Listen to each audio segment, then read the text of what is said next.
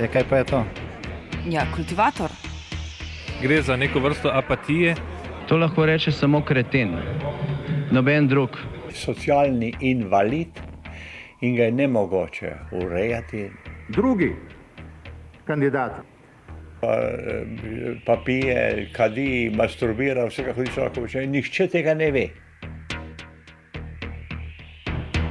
Vsak petek v OF programu skultiviramo dogodek tedna. Lahko po kriterijih radio študent, težko pa po evropskih kriterijih. Ampak na drug način, kot vi to mislite. Kultivator vedno užge. Da pač nekdo sploh omenja probleme, ki so, in da pravzaprav sploh nekdo sproži dogajanje uh, v družbi. To drži, drži.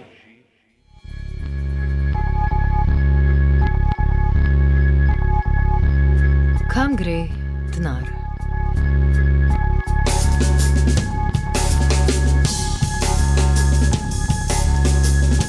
Folklorno naslovno vprašanje, ki je zaradi vse splošne demagogije postalo na vides retorično, čeprav je odgovor javnost veliko krat zgolj predvidevala, bo od tega tedna naprej deležno bolj premišljenih odgovorov. Tako se upajo pri Komisiji za preprečevanje korupcije, ki je lansirala spletno aplikacijo Supervisor. Gre za aplikacijo, sicer del širšega projekta Transparentnost, ki vsem, ki imajo dostop do spleta, osvetljuje tok denarja od javnega k zasebnemu. Spletni iskalnik omogoča upogled v poslovanje subjektov na relaciji javni-zasebni sektor.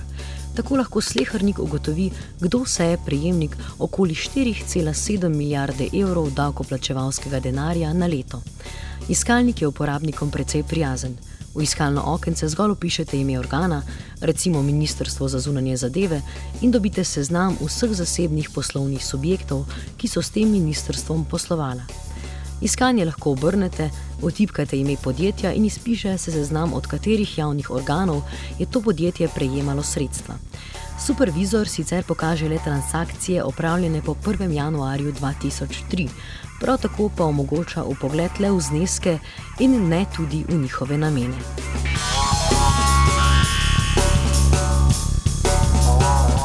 Aplikacija Supervizor ima tako namen vključiti širšo javnost v nadziranje porabe javnih sredstev, a javnost je imela v te transakcije upogled že do zdaj. Podatke je aplikacija namreč pridobila iz registrov Agencije Republike Slovenije za javnopravne evidence in storitve, IPES, iz seznama davčnih zavezancev, od uprave za javna plačila, strani Ministrstva za finance in uradnega lista Republike Slovenije. Prednost supervizorja je tako predvsem v enostavnosti dostopa do teh informacij in njihovi zgoščenosti na enem mestu.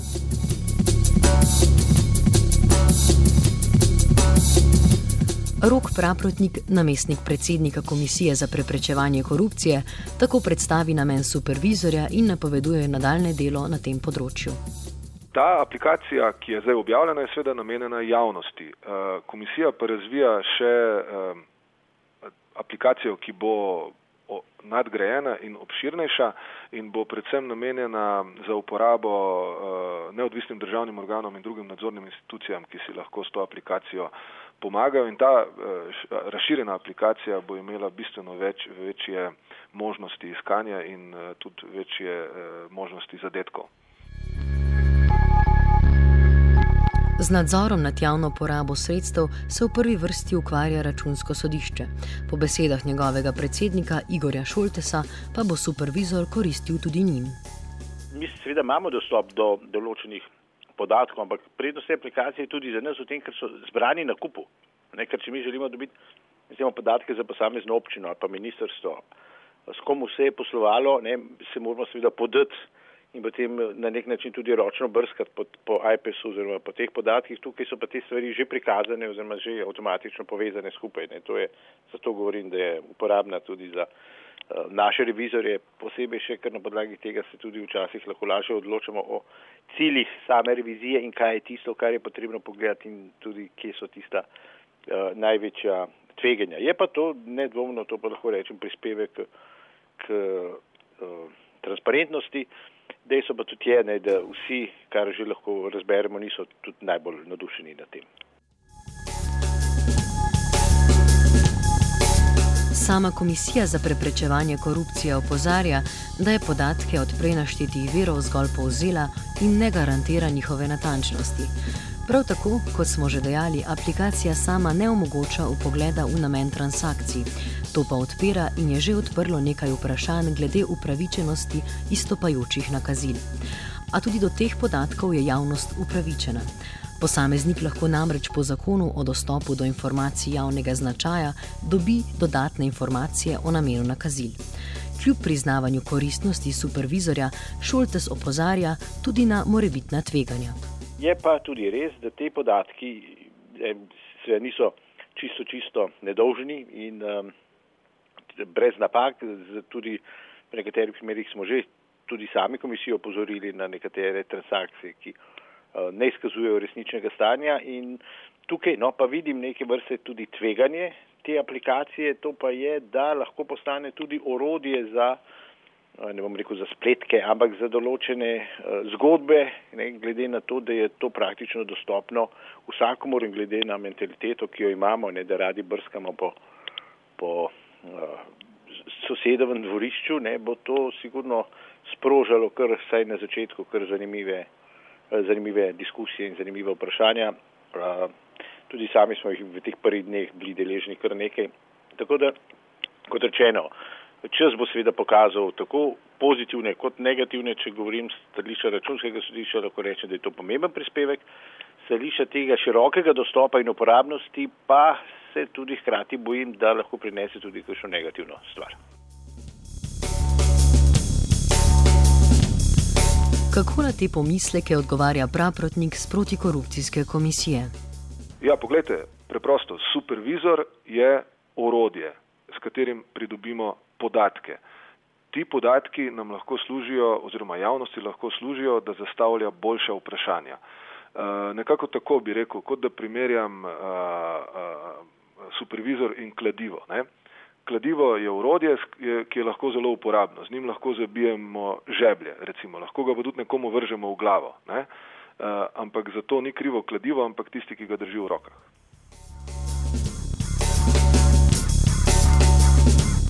Druga pomankljivost supervizorja pa je ta, da aplikacija ne omogoča upogleda v transakcije pravnih oseb zasebnega prava, ki so sicer v 100-odstotni lasti države ali lokalnih skupnosti.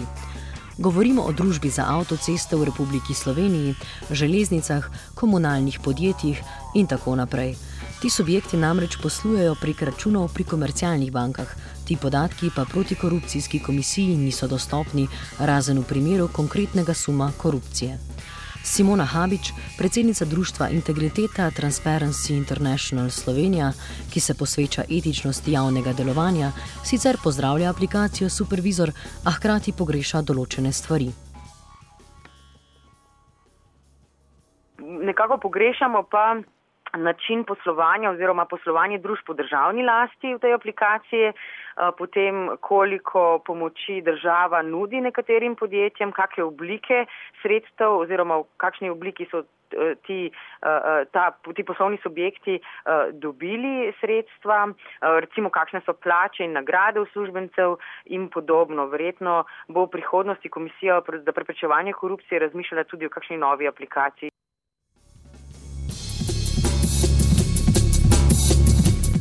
Habičeva izpostavlja pomembno področje, na katerem prihaja do ogromnih izgub javnih sredstev.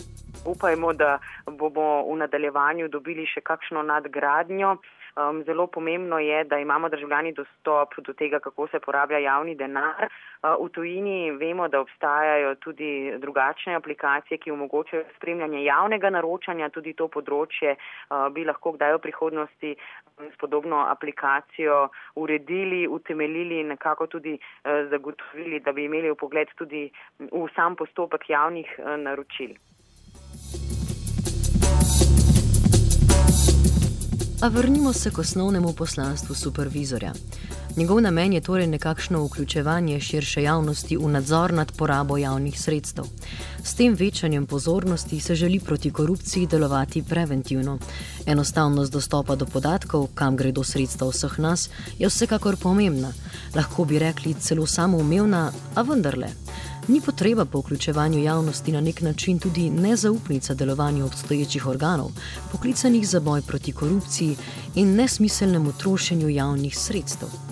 Rok Praprotnik. Eh, ne, nikakor. Jaz gledam na to drugače. Eh, to je ena izmed novih možnosti.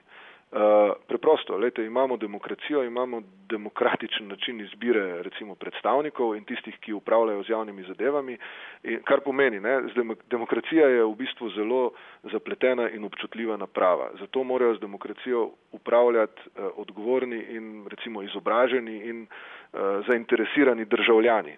Če je, če, je, uh, če, če je državljan nezainteresiran, uh, uh, za javne zadeve, potem zelo uh, težko rečemo, da uporablja demokracijo v lastno, eh, se pravi v to, uh, v to korist, oziroma v tem smislu kot koristi, kot jih demokratičen sistem omogoča. In uh, supervizor je v tem smislu zgolj eno izmed orodij, ki so na voljo v demokratičnem sistemu, da lahko uh, uh, sveda zainteresirani drža, državljani in takšnih si želimo, da je bilo čim več, uh, nadzorujejo, uh, kaj počnejo tisti, ki uh, upravljajo z javnimi zadevami.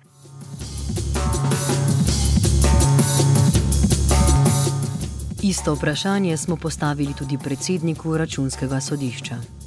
Ja, veste, kako korupcija nima prvič meja, nima časovnih omejitev, niti ne vsebinskih in vsaka taka stvar prispeva k temu, da uh, je večja preglednost. Ne? In če je večja preglednost, je težje skrivati, uh, lahko narekovajo rečemo, tudi tudi korupcijo, ampak dejstvo je, ne, da te podatki brez vsebine zadej uh, ne bodo dosti povedali. Ne.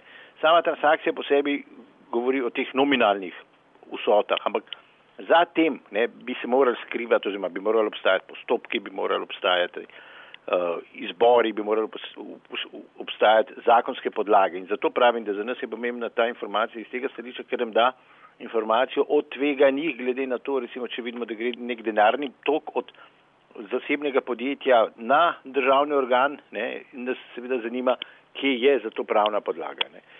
In uh, to, kar sem rekla, je pa zdaj to dostopno širši, oziroma vsakomor. Ne, in tukaj se z nas zgodi, da bo na podlagi tega, v to sem pa skoraj pripričan, uh, tudi se povečalo število pobud za revizije, ki jih dobimo strani fizičnih oseb oziroma občanov. Ne, ker mislim, da mnogi bodo preizkušali to, kar že vidimo od glasbenih šol, gimnazij, domov za starejše občane, skratka vse te, tudi neke osebne stvari. Ne? In uh, tukaj pričakujem potem, da bo kar še veliko zgodb na to temo. Ne? In nekih razkritij, ki so morda doslej eh, bila teže preveljiva. Aplikacija, ki je sicer šele v začetni fazi in se bo še izpopolnjevala, kaže na zauzetost protikorupcijske komisije pri svojem delu.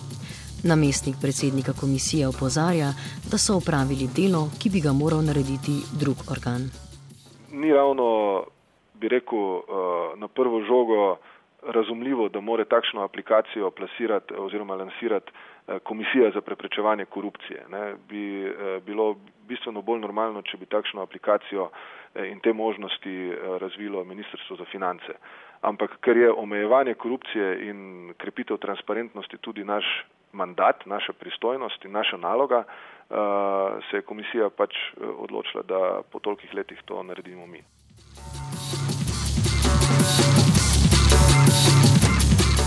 V času, ko je tako imenovano outsourcanje postalo nekaj samoumevnega in raznoravni državni in lokalni organi najemajo zunanje strokovnjake, recimo na pravnem področju, namesto da bi se oprli na lastne pravne službe, je dejstvo, da je komisija aplikacijo razvila sama z enim zunanjim pomočnikom, ki je delal pro bono, osvežujoče.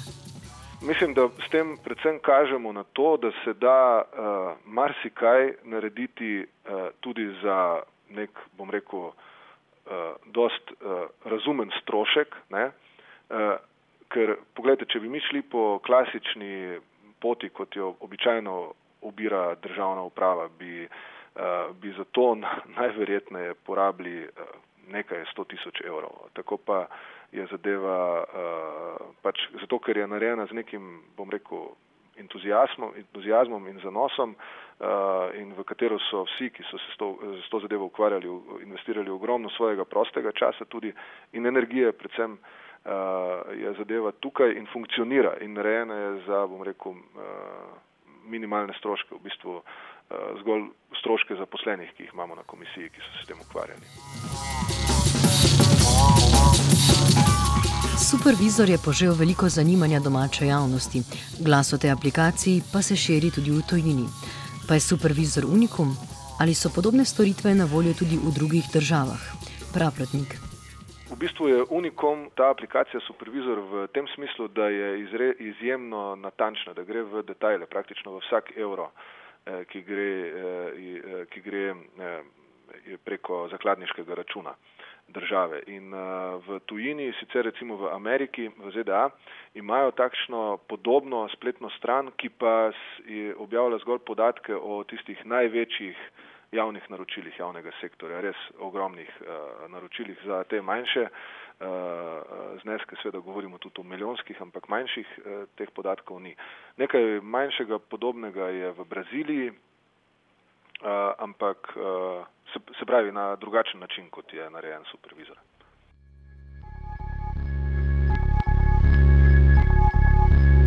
O izkušnjah iz tujine je nekaj povedala tudi Simona Habič iz društva Integriteta. Vem pa, da se v nekaterih državah, tudi Transparency International, kjer ima svoje podružnice, loteva projektov, ki jim rečejo, bom rekla, v pogled v e-javno naročanje, e-procurement, kjer lahko v bistvu določene podatke pridobijo tako podjetja kot tudi javne institucije. Nekatere države imajo to urejeno preko, podobno kot pri nas, Komisija za preprečevanje korupcije ali preko agencij um, za preprečevanje korupcije. Ponekod se uh, teh zadev lotevajo tudi nevladne organizacije. Je pa res, da uh, nevladna organizacija verjetno teže dobi uh, podatke, spoh pa finančne o delovanju teh institucij. Uh, gre pa predvsem za aplikacije, ki zagotavljajo oziroma skušajo uh, dati v pogled v delovanje institucij. Um, Vemo, da na Hrvaškem obstaja aplikacija, ki omogoča uh, upogled v delovanje lokalne skupnosti.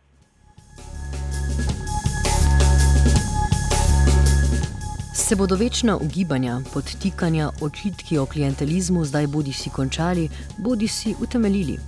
Težko verjetno, glede na dejstvo, da je politikanska diskreditacija eno od priljubljenih sredstev komuniciranja z oponenti, imuna na dejstva. Supervizor bo kot orodje, ki javnosti omogoča uživljanje v vlogo Big Brotherja, sicer nedvomno pripomogel k boju proti korupciji. Vendar, ali bo predstavljal tudi neko prelomno točko v tem boju? Namestnik predsednika Komisije za preprečevanje korupcije Rok Praprotnik. Lete, omejevanje korupcije nikakor ne more biti zasluga samo ene aplikacije ali pa samo enega projekta ali pa samo enega človeka. Ne. Omejevanje korupcije je uh, v bistvu stvar nacionalnega konsenza. Uh, supervizor je v tem smislu kamenček v mozaiku in če ga kritična javnost zna, zna uporabljati, bo seveda pomenil uh, uh, bistveno omejitev manevrskega prostora za, tistega, ki, za tiste, ki more biti želijo uh, delovati mimo pravil igre. In uh, uh, v tem smislu sestavljanja mozaika je supervizor uh, pomemben kamenček v tem mozaiku, nikakor pa ne moramo reči, da bo, da bo samo ta aplikacija pomenila kakršenkoli velik premik v, naprej v omejevanju korupcije. Uh, kot rečeno, to je, uh, to je, se pravi, omejevanje korupcije je voz, ki ga more vleči kar veliko, kar veliko konjev, pravzaprav vsi, recimo, državljani neke države. Mimo grede, Zavod Radija Študent je v zadnjih osmih letih in pol v ohranjanje frekvence 89,3 uložil na tanko 526 566 evrov ter 4 cente skupnega denarja.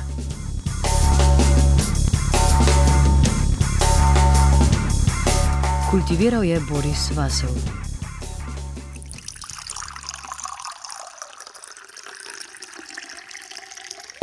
Cool as ice.